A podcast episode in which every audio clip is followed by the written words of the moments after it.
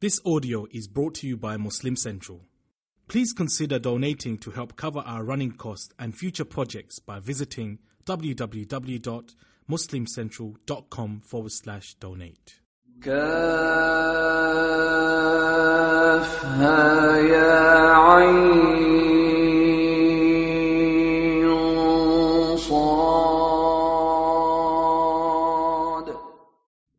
أعوذ بالله من الشيطان الرجيم. بسم الله الرحمن الرحيم. فناداها من تحتها ألا تحزني. قد جعل ربك تحتك سريا وهزي إليك بجذع النخلة تساقط عليك رطبا جنيا. فكلي واشربي وقري عينا. فإما ترين من البشر أحدا فقولي إني نذرت للرحمن صوما فلن أكلم اليوم إنسيا. الحمد لله رب العالمين والعاقبة للمتقين والصلاة والسلام على سيد المرسلين وعلى آله وصحبه ومن تبعهم بإحسان إلى يوم الدين.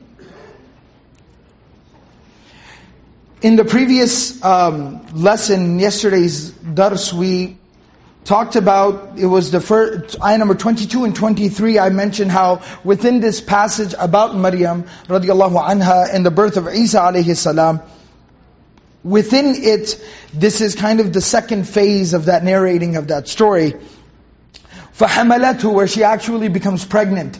فَانْتَبَذَتْ بِهِ And then because of the pregnancy, because of the child, she secludes herself, she separates herself, she leaves. And she doesn't just go like, you know, stay with a friend or something. مَكَانًا قَصِيًّا She goes as far as she has to in order to get away from people. And I explained all the motives that were involved therein. فَأَجَاءَهَا الْمَخَاضُ إِلَى جِذْعِ النَّخْلَةِ So then while she's there, and she's kind of settling in, and I explained how in another place in Surah Al-Mu'minun, Allah subhanahu wa ta'ala tells us about that place, and Allah tells us, uh, رَبْوَةٍ It was kind of an elevated location, ذَاتَ قَرَارٍ وَمَعِينٍ It was quite comfortable to stay, a person would feel comfortable staying there, and it had water rising up to the surface, so water was accessible. And that's usually a primary thing you have to take into consideration, whether or not water is accessible. I know we don't think quite in those terms because we live in, you know, um, in this new modern age and we live in very, uh, you know, we live in, in situations or in places that are very uh, advanced technologically and there's a lot of infrastructure and we have running water and things like that. But nevertheless, traditionally speaking, you would have to take that into consideration. So, after she's there and she's kind of settled in and she's starting to get comfortable, فَأَجَاءَهَا الْمَخَاضُ She starts to feel the child moving inside of her. And some, like I mentioned, that this could also be referring to the contractions she starts to experience. And it basically compels her to get up and it confuses her and it makes her nervous and it makes her very apprehensive. And she goes to the trunk of a date palm to lean on it, to seek support against it. And she says, I wish I would have died before this because of the haya, the modesty that she feels, that just because of everything that's going to happen, everything people are going to say, what are they going to talk about? They're going to talk about her family, they're going to talk about her teacher and her mentor who is a prophet, and they're even going to slander the deen and talk bad about the deen. They, this is what these religious people be up to. This is what this, these religious people be up to. وَكُنْتُ نَسِيًا مَنْسِيًا And she says, I wish I would have just become forgotten, and forgotten, just completely wiped from the memory of people.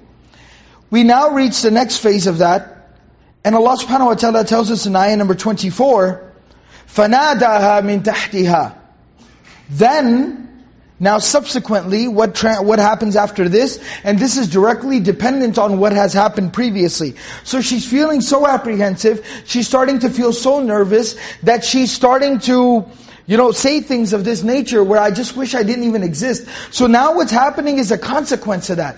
So right away you see that the mercy of Allah and Allah subhanahu wa ta'ala is coming to her aid. Remember I talked about how the predicament of Maryam was that typically when a woman is experiencing pregnancy, especially her first pregnancy, that is a time when she needs family, when she needs friends, when they, when people who love her, who care for her, they surround her, they wait on her hand and foot, they take care of every little need of hers. Alright? But now because of the predicament of Maryam where she is the vessel for this miracle, she has been called to duty by Allah subhanahu wa ta'ala, she has to deprive herself of those normal comforts or those normal luxuries that a pregnant woman would expect that she would want. So that's very troubling, that's very difficult. But like I mentioned that Allah subhanahu wa ta'ala never leaves, like we say in common, He doesn't leave you hanging. He doesn't leave you out to dry. Allah subhanahu wa ta'ala takes care of you. When you go to bat for the deen, when you go to bat for the deen, when you step up for the deen, then Allah subhanahu wa ta'ala takes care of you if nobody else is there to take care of you. So now when she's experiencing discomfort, now imagine once again, your wife or your daughter or your sister, alright, is going through that first pregnancy of hers. And she starts to feel a little nervous or she starts to feel discomfort. What would you start to do? You do whatever it takes, right? Right? You do whatever it takes. I'll go to the pharmacy right now. I'll call the doctor right now. I'll rush you to the hospital right now. I'll go get you whatever you... You're willing to do whatever, whenever, however. Because you care. Allah subhanahu... She stepped up and was willing to make this unbelievable sacrifice for the sake of the deen. Now Allah subhanahu wa ta'ala is directly taking care of her. So when she starts to experience discomfort and she starts to get nervous and become a little apprehensive, Allah says, fanada. So that fa is, then what happened as a consequence of that? Nadaha. Nadaha. That someone called out to her. Someone called out to her. Now there's the following word, to know who called out to her, who was speaking to her, there's two things here. In the next part of the ayah, it says, min tahtiha. Min tahtiha. Min means from, from below her.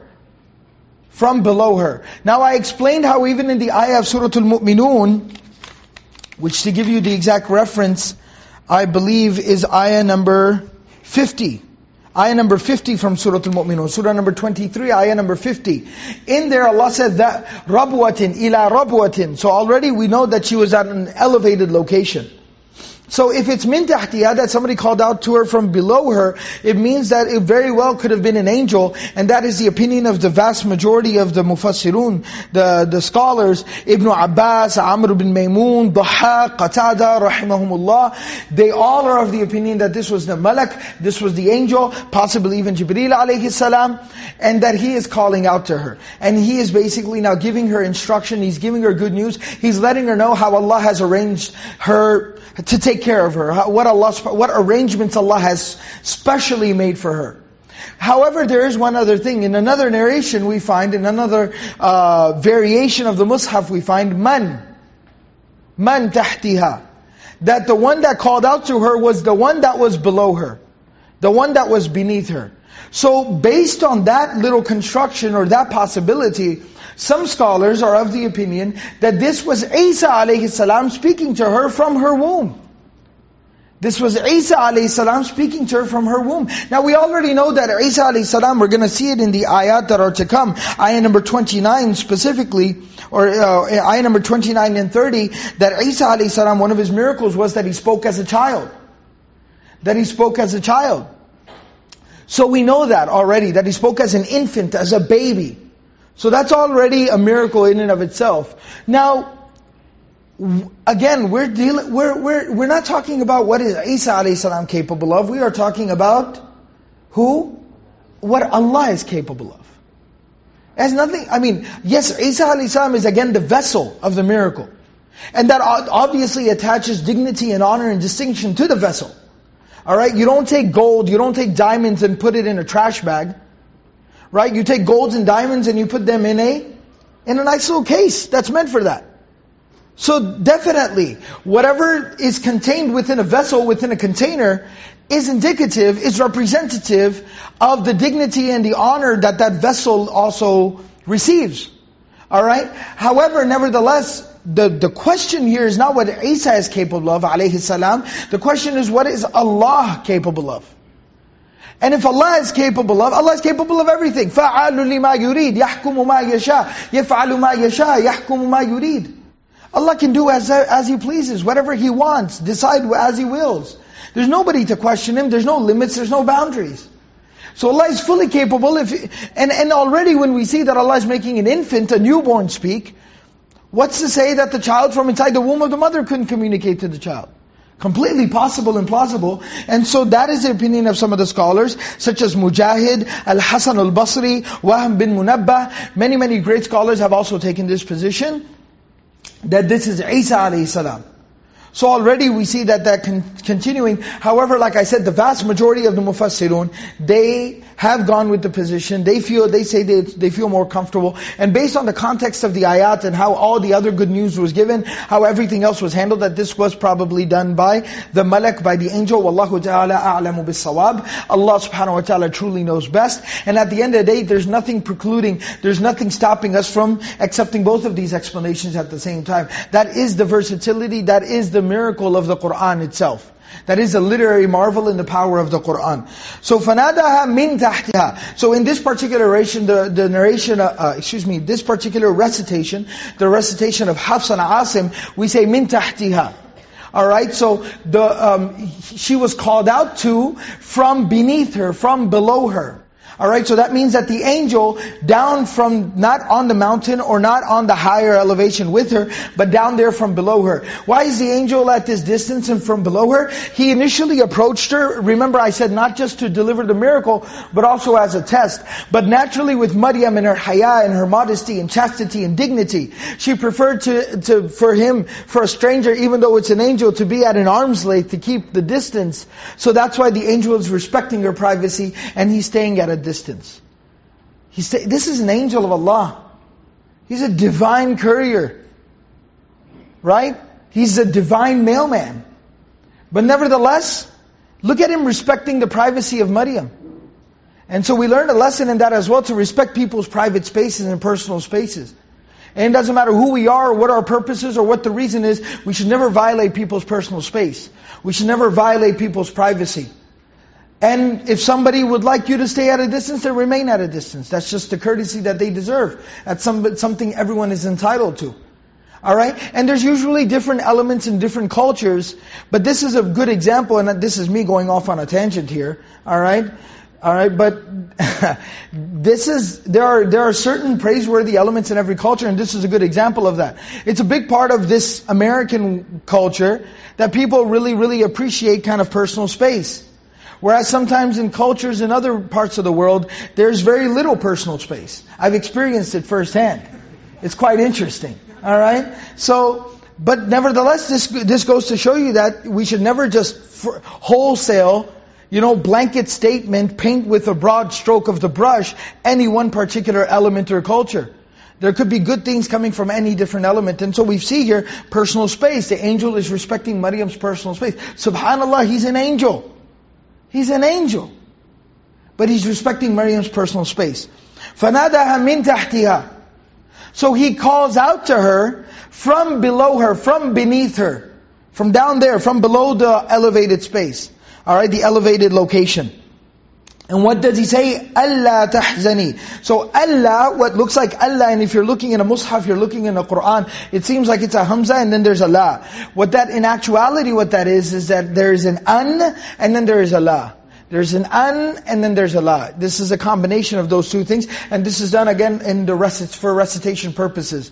Now that an that is hidden now in the mushaf in the script that you see now, but it's actually there grammatically speaking, that an basically is an explanation. So what did he call out to her? What did he say to her? What was the gist of his message? So an tafsiriya is going to explain what was said. So it's a clarification that he didn't just stop by to say, hey, howdy, how's it going, right? He actually had some message. What did he say? say. So it's going to explain now what he said. لا تحزني, لا تحزني.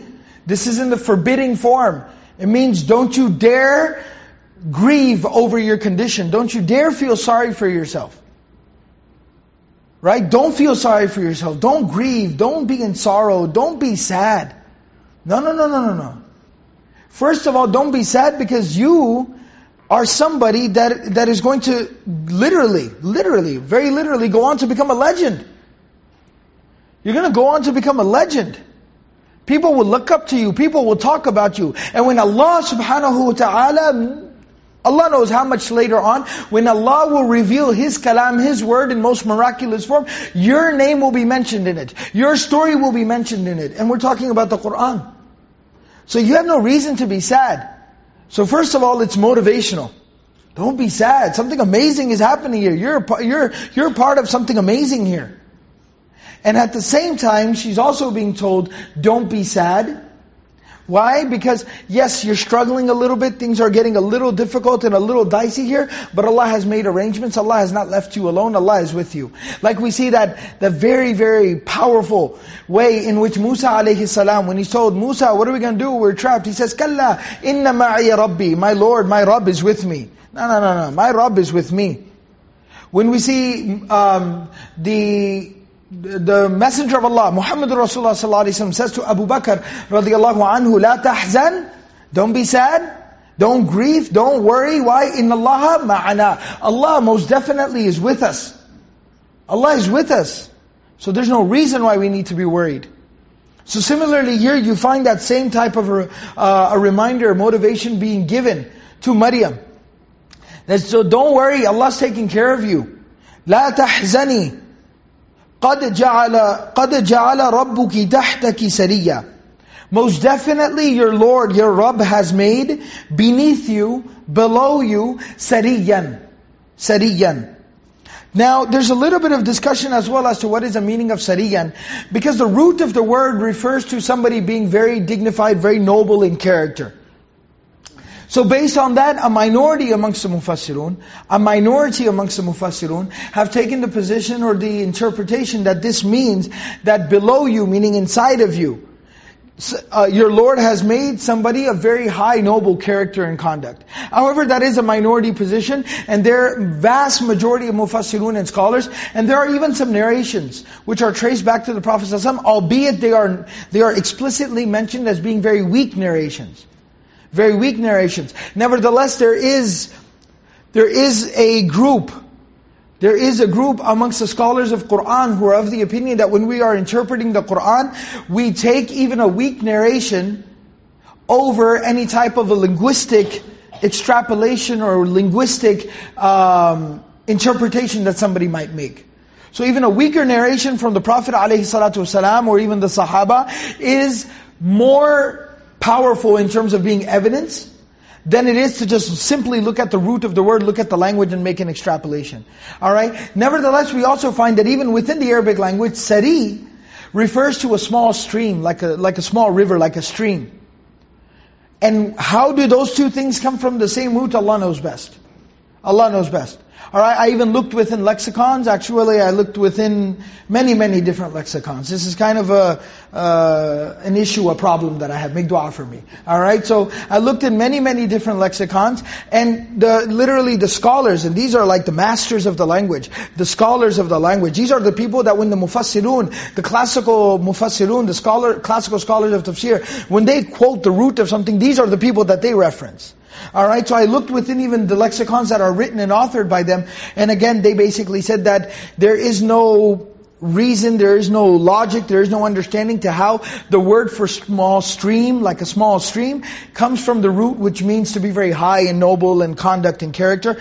We can't find, nevertheless, the Arabs did use this word, and this is what it meant when they used it.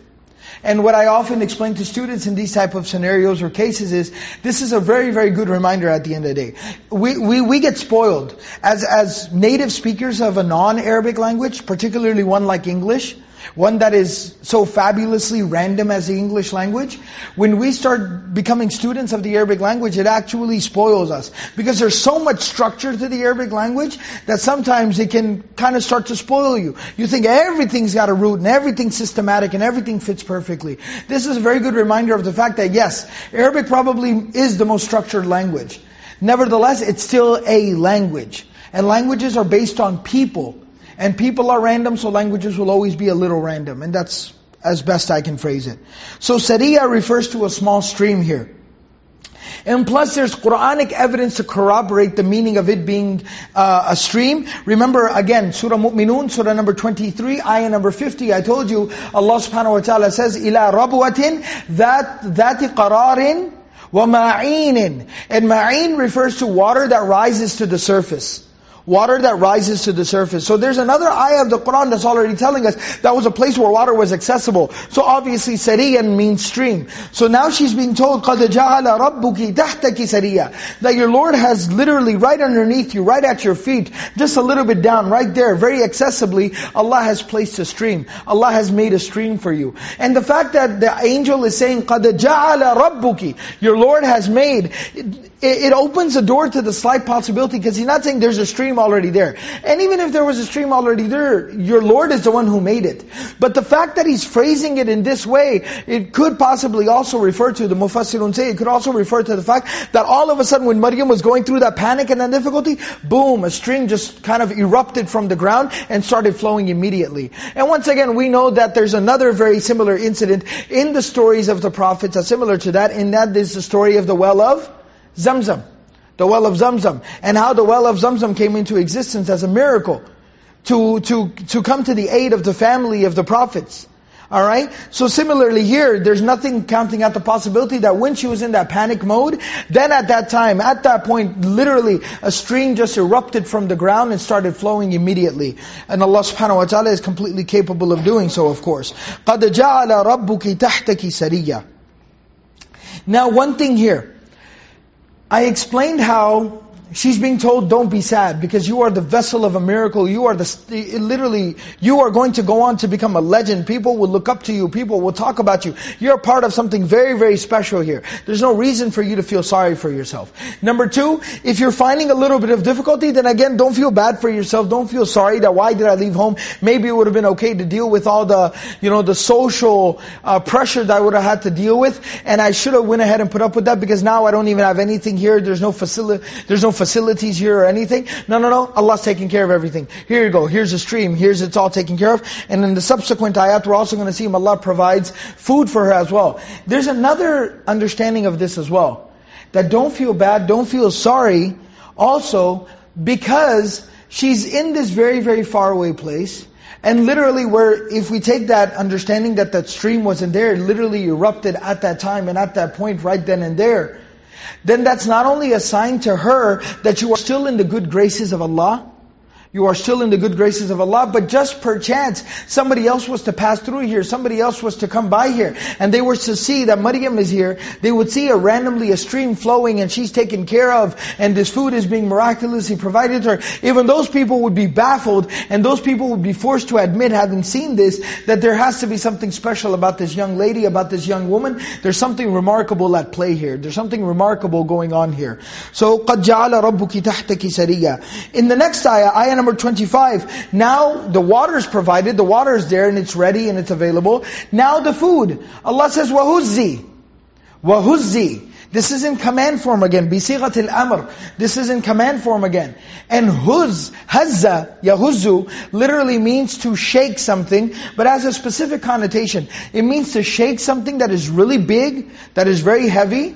And when you shake, because it's so big and heavy, you literally can't shake it like, and I don't want to because I got water on the table here, but like I could just shake this table around like this. Very easy, very simple, slight little movement of the hand. I'm just shaking it right now, alright? Alright, so you can shake it very easily, but if something's big and heavy, and so you can't just kind of walk up to it and just grab it with your hand and shake it. Then when you want to try to shake something big and heavy, what do you have to kind of do? You have to literally like throw yourself at it, right? You have to like literally take a few steps back and run into it and hope that it'll move a little bit. Right? You got to try to drop kick it or something. You have to do something, you have to take extreme measures to try to move this thing right here. Alright? So, that's what the word literally means. Alright? So, wahuzzi. So, literally she's being told, you got to shake. And the word itself already implies that you're going to have to shake something really heavy, really big. Something that is going to be, it's going to seem very, very difficult to get any type of a movement going there by shaking it. So what is it? Ilayki. Shake towards yourself. Shake towards yourself. So that either means that in the sense of like pull it towards yourself, or it could also mean that when you shake this, it's actually in your own benefit. You're doing it for your own good. Because right away when she's being told to shake something, now she's thinking, okay, I'm pregnant, and I'm hungry, and I'm worried, and I'm nervous, and I'm being told to shake something very heavy. Like, okay, something's not adding up here. The math doesn't add up.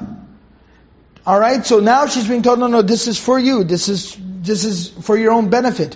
What is she being told to shake? بِجِذْعِ النَّخْلَةِ The trunk of the date palm. Alright, the trunk of a date palm. So a young woman who is pregnant, who is worried, who is nervous, who is hungry, who is very emotionally traumatized, is being told to shake a date palm. Grab it by the trunk and shake away. Now, we're not out of our bounds. First of all, there's a, there's there's one thing. Some scholars, again, in the tafsir, they mention that this is, you know, we see that having, ex- exhibiting what we would call superhuman strength, exhibiting what we would call superhuman strength, is again, very well possible, right? It could be a miracle that is occurring here, so maybe she did shake it and she was shaking. I mean, just imagine that scene then at that time. Imagine that scene, this young woman walking up to this date palm, grabbing it by her hands and shaking like this. Subhanallah. That'd be mesmerizing. Imagine just seeing that, you'd be like, whoa, what's going on?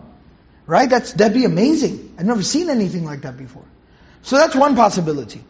The other possibility, and this is the one that the majority of the mufassirun, they turn to, because there's such a deep, profound lesson here. And that is, she wasn't able to get, get any movement out of it. She really couldn't. You know, like we say, she couldn't even make a dent. She couldn't even make a dent. Nothing happened. She, nothing's happening. Alright? But at the same time, then why is why is she being commanded to do this? Why is she being told to shake the tree? First of all, let's complete the ayah and see what happens. Why should you go and shake the tree? To saqit. To saqit. Alright, so this means for something to fall. But it's in a specific verb pattern, a specific verb form, that is first of all, it's in the present slash future tense form.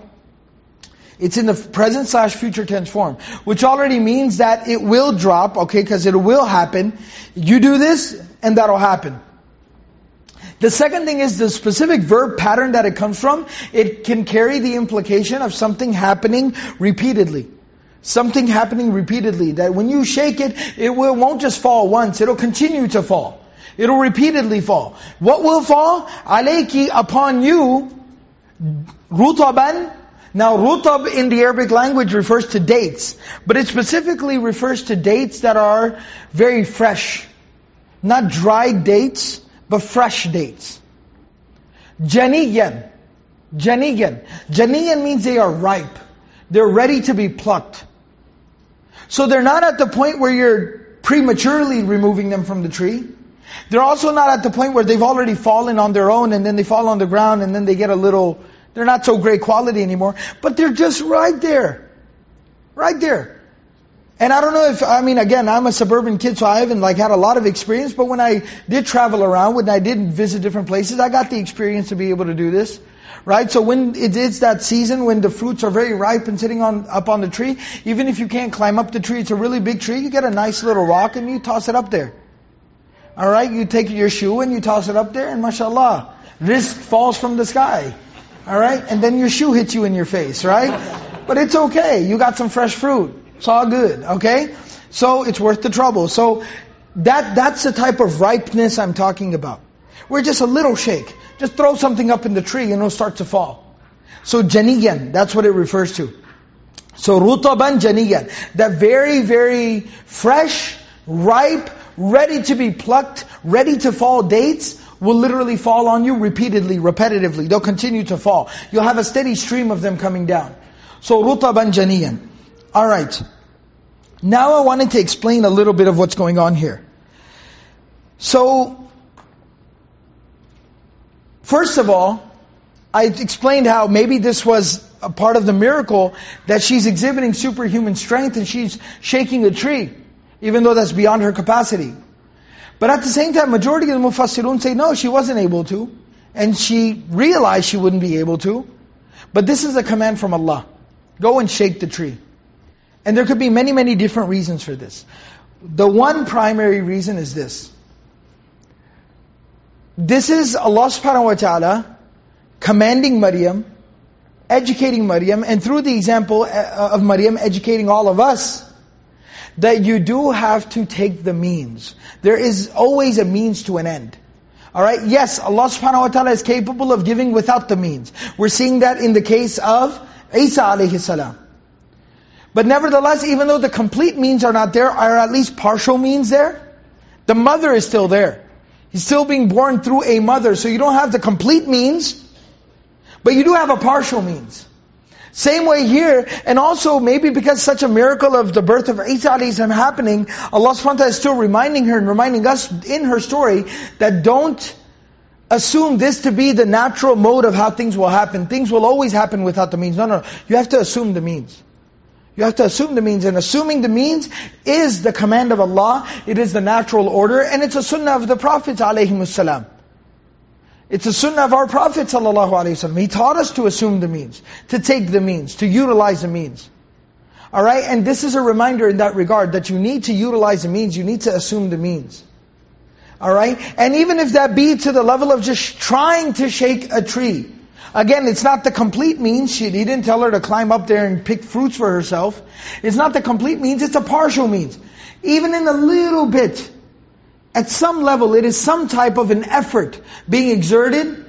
And so that's what it's pointing out here. That is the uh, relevance of it. That you need to assume the means. And that is something that is a part of the natural order. And that is a hukum of Allah. And we also need to be very conscious of that. We should never become so you know, uh, so far gone in what we might perceive to be reliance upon Allah to the point where we start feeling that we are above and beyond the means. Never, never. We should never. Umar radiallahu anhu, he reprimanded people who behave such. He reprimanded people who behave in this manner. He said, this is wrong. This is not tawakkul. This is a contradiction of tawakkul. Tawakkul is to assume the means. The famous hadith of the Prophet where he tells him, tie your camel and then have, put your trust in Allah. Tie your camel and then put your trust in Allah. There's a hadith, a beautiful hadith of the Prophet ﷺ. I don't remember the Arabic text of the hadith completely off top of my head and I don't want to misquote. But the translate, and I'll bring that for everyone's benefit inshallah tomorrow. But it goes to the effect of where the Prophet ﷺ says that he actually, he, he, he congratulates. He congratulates he praises the one who works very hard and then puts his trust in Allah. And he said he condemns. He condemns the one who just sits back, folds his hands, doesn't do anything and says, I've put my trust in Allah. The Prophet says, I condemn that individual. That guy is lazy. He has no trust in Allah. He's lazy. And he's using the trust of Allah, his reliance in Allah, his trust in Allah, as an excuse for his laziness. He's masking his laziness in religious in religion, in religiousness. So that's why that is not praiseworthy at all. And so we find that emphasis upon taking the means being expressed here in the surah when Maryam radiallahu anha is being told to shake the tree. Even though it's beyond her capacity, but just do it. Assume the means. Take the means. The second thing here is and if we get more specific within trying to get to an end through a means, specifically, why is she being told to shake the tree? To get what? To receive what? Food. Food. Rizq. Sustenance. Provision. To provide. Alright, this is another thing. That through the example of Maryam, somebody that should not be working, somebody that should not be being, someone who should not be made to work in this particular condition. Nevertheless, Allah subhanahu wa ta'ala very minimally is putting her to work in order to get that food. Again, so that it becomes praiseworthy that when you, yes, Allah is the one who feeds, Allah is the one who sustains, Allah is the one who takes care of you and your family. But as a father or as a husband, when you are responsible to take care of someone, to feed someone, to provide to, for someone, then at that time, going out and working hard to bring, like we say, to, to put bread on the table, to bring food home for the family, there's nothing that is lesser about that, that is extremely praiseworthy. And again, sometimes in in religious, literally what could be called religious extremism, when we become very extreme in our in our deen, when we go beyond the limits of the deen, and there is that possibility, iyakum al deen, the Prophet said, don't ever become extreme in your deen. We do find again that element where like, man, you know, and people will often come up to people who might, you know, serve the deen full time, like imams and things like that. So I've heard plenty of this type of talk from people, like, oh, make dua, you know, we're out there chasing the dunya and I slave away eight to five, you know, just dunya, working for the world. No, no, no, brother. You, if, if you're working permissibly, you're doing something that is permissible and bringing good, halal, tayyib income home to your family, you're doing a great, amazing thing. That's a remarkable task and a remarkable duty. Don't ever belittle that. Don't ever think lesser of yourself because you do that.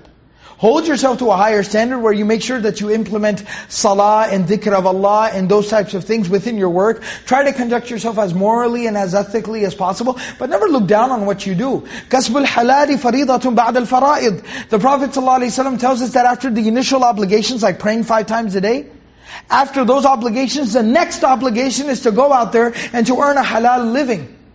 To earn a halal living, a permissible living. That is an obligation. That's something very admirable, very praiseworthy about that.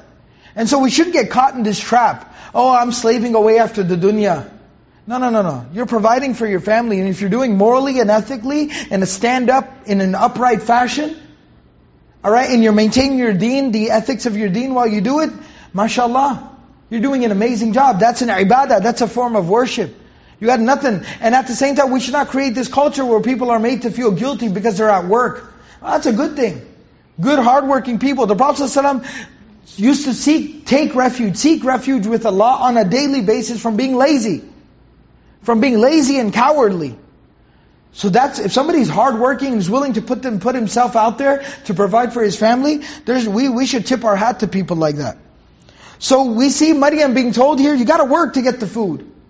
And of course, because of Maryam's condition in the miraculous scenario here, of course it's very little work, it's just kind of just go and touch that tree. Just go and just kind of try to move that tree just a little bit. Right? And Allah subhanahu wa ta'ala will take care of the rest, but you see that element of work coming through. There's yet another reflection here.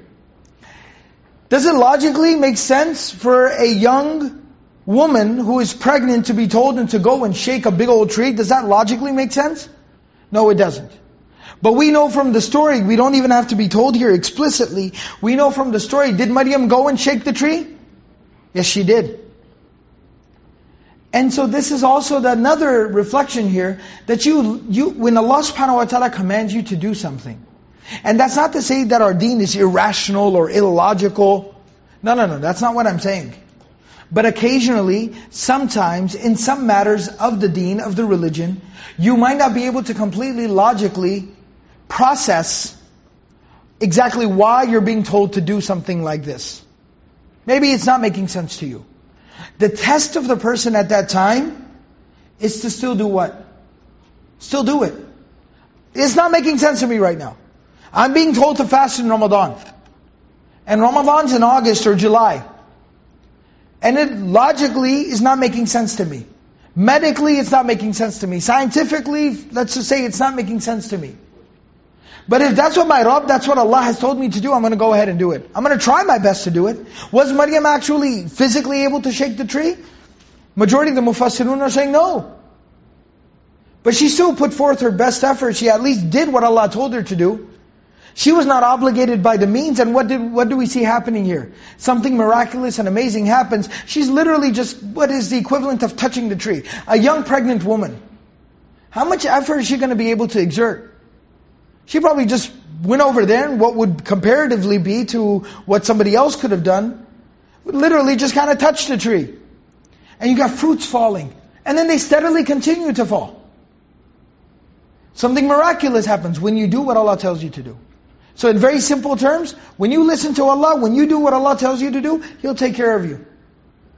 We first just got to listen. We got to learn to do. Alright? And then the last and the final reflection here, and this is very, very beautiful. Obviously, Allah subhanahu wa ta'ala, there's, there's distinction, and there's honor for Maryam in this as well. Allah subhanahu wa ta'ala is completely capable of making the fruit fall regardless. And we talked about why He's telling her to shake the tree and go over to the tree and shake it and whatnot. But at the same time, you know how like, it's kind of like being waited on hand and foot being waited on hand and foot. Alright? So when somebody's being waited on hand and foot, most people probably haven't experienced this. Alright? But at the same time, just think about it. Maybe you've seen it, maybe you know, you can picture it in your head. Think about this. Imagine that you're being waited on hand and foot. You have a little bell and you have a servant. And you pick up the bell and you ring the bell, and the servant rushes over to you with food and water. Here you go. So that you can kind of express your need when you feel like it, how you feel like Ding, ding, ding. Runs right. Oh, yes, here you go. So Maryam is being told the way you ring the bell is just go over there and touch the tree. Food will fall. It's her little bell. Allah is saying, my khalq, my makhluk, my creation is at your service, Maryam. When you get hungry, just go touch the tree. The tree will deliver food. وَهُزِّي إِلَيْكِ بِجِذْعِ النَّخْلَةِ تُسَاقِطَ عَلَيْكِ رُطَبًا جَنِيًّا And this will continue to happen. And so this is especially where that repetitive, uh, Im- implicit uh, repetitiveness that is built into the form, verb form here, that I told you about, that the verb naturally implies that this happened repeatedly. This is where it becomes very, very, it's kind of like an evidence for that. That anytime you feel like eating, just go touch the tree. Boom, food will fall. You feel like it again, a couple hours, just go touch the tree again. That's it. Alright? And I want to make a joke, but I know this is not going to be good for me. Alright? She is pregnant, so she probably had to touch the tree quite often. Alright? But nevertheless. Alright? Let's go. Nobody found that funny. Wow. Alright? I am dead. Alright. Number 26, ayah number 26. Change the topic very quickly. فَكُلِي وَاشْرَبِي وَقَرِّي عَيْنًا فَكُلِي وَاشْرَبِي وَقَرِّي عَيْنًا Alright? So then, she's being told what? Eat. Kuli, eat. Like, and when it, when you're told to eat, it means like what we would say, eat as much as you want, eat however you want, whenever you'd want. That, that's it. Eat as much as you would like, whenever you like, however you like. Fakuli, washrabi, and drink freely. Eat and drink freely. وَقَرِّي عَيْنًا وَقَرِّي عَيْنًا And make your eyes cool. Cool your eyes. Alright? Uh, and now what does that mean, cool your eyes? Right? So, it's a figure of speech. It's a figure of speech. It's an expression in classical Arabic. It basically means to find comfort, to find solace, to find peace and tranquility in something, to be comforted by something. Now, it could have the very general meaning of eat and drink as much as you would like, kind of sit back, relax, enjoy yourself. And just kind of cherish the moment, enjoy, live in the moment, relax. Stop worrying, stop fretting, stop being so nervous. Just enjoy, relax, enjoy yourself. But then when we look within the Qur'an, when we look within the Qur'an, this expression of cooling the eyes, coolness of the eyes, this is always used when talking about children.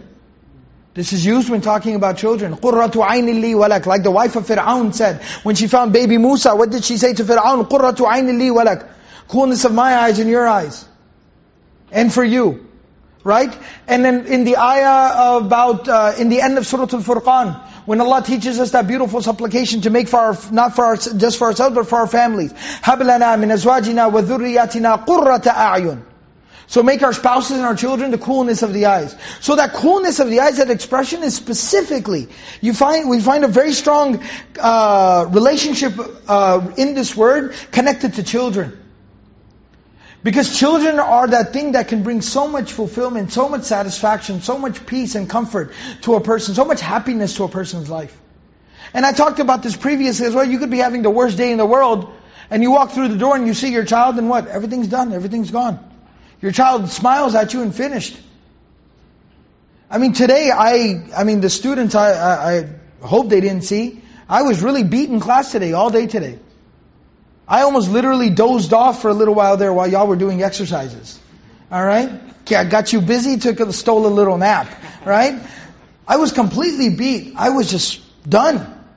And I had the intention from before, I had told, uh, I had told uh, the, the, the administrators before, 3 o'clock, as soon as class, I'm to jet, I'm to get out of here. I need to go and rest, I'm, I'm exhausted. And 3 o'clock happened, and my kids came running through the door. Because they were visiting. They came running, Abu, yeah, party time. Alright? And they wanted to run around and for some reason they're fascinated with this mimbar. Jazakumullah khair, Carrollton community, right? So they're fascinated with the mimbar, so then they want to climb up and climb down and climb up and climb down and play peekaboo from behind it and so. And I stayed here for 30 minutes running around the masjid playing with them. I wasn't exhausted anymore. That's the effect of children, the coolness of the eyes. So Allah, when Allah says, وَقَرِّي عَيْنًا and make your eyes cool, make the eyes cool, like gain coolness of the eyes. Find peace and comfort and tranquility. It doesn't just generally, it could also generally mean it, but it specifically means what? Eat, drink, relax, enjoy yourself, because very soon you're going to be receiving a child. And all the trouble that you've gone through, all the difficulty you've experienced, all the adversity that you have endured is about to go away. Because when you hold that, that innocent baby, that child, that beautiful baby in your arms, when you hold them, that's it. Everything will be forgotten. Everything will be forgotten. And we see that. Whenever a woman gives birth to a child, how much difficulty does she go through? She goes through nine months of difficulty, and then the, the, the, the actual labor and the delivery of the child. How much difficulty does she go through? But then when that child is brought to her and handed to her, unbelievable. She, I mean, nothing, nothing matters anymore. That child is everything. So much peace and comfort comes from the child. So she's being told, وَقَرِّي عَيْنًا You're about to get the, your eyes are about to be cooled. You're about to receive the most sweetest blessing of Allah. You're about to hold your child. فَإِمَّا تَرَيِنَّ مِنَ الْبَشَرِ أَحَدًا فَإِمَّا And if, تَرَيِنَّ If you, are, if you see, تَرَيِنَّ If you see, and this has emphasis, the noon there at the end is for emphasis, and what the emphasis implies that if you see at all, if at all you see, min al-bashari, from people, from human beings, ahadan, any one person. Alright, so that stress is being removed from her. I want you to eat, I want you to drink, I want you to relax, I want you to enjoy yourself now. Because you're about to receive the sweetest blessing you've ever gotten in your entire life. And if any human being approaches you right now, you see any human being and they're obviously curious, like what's going on?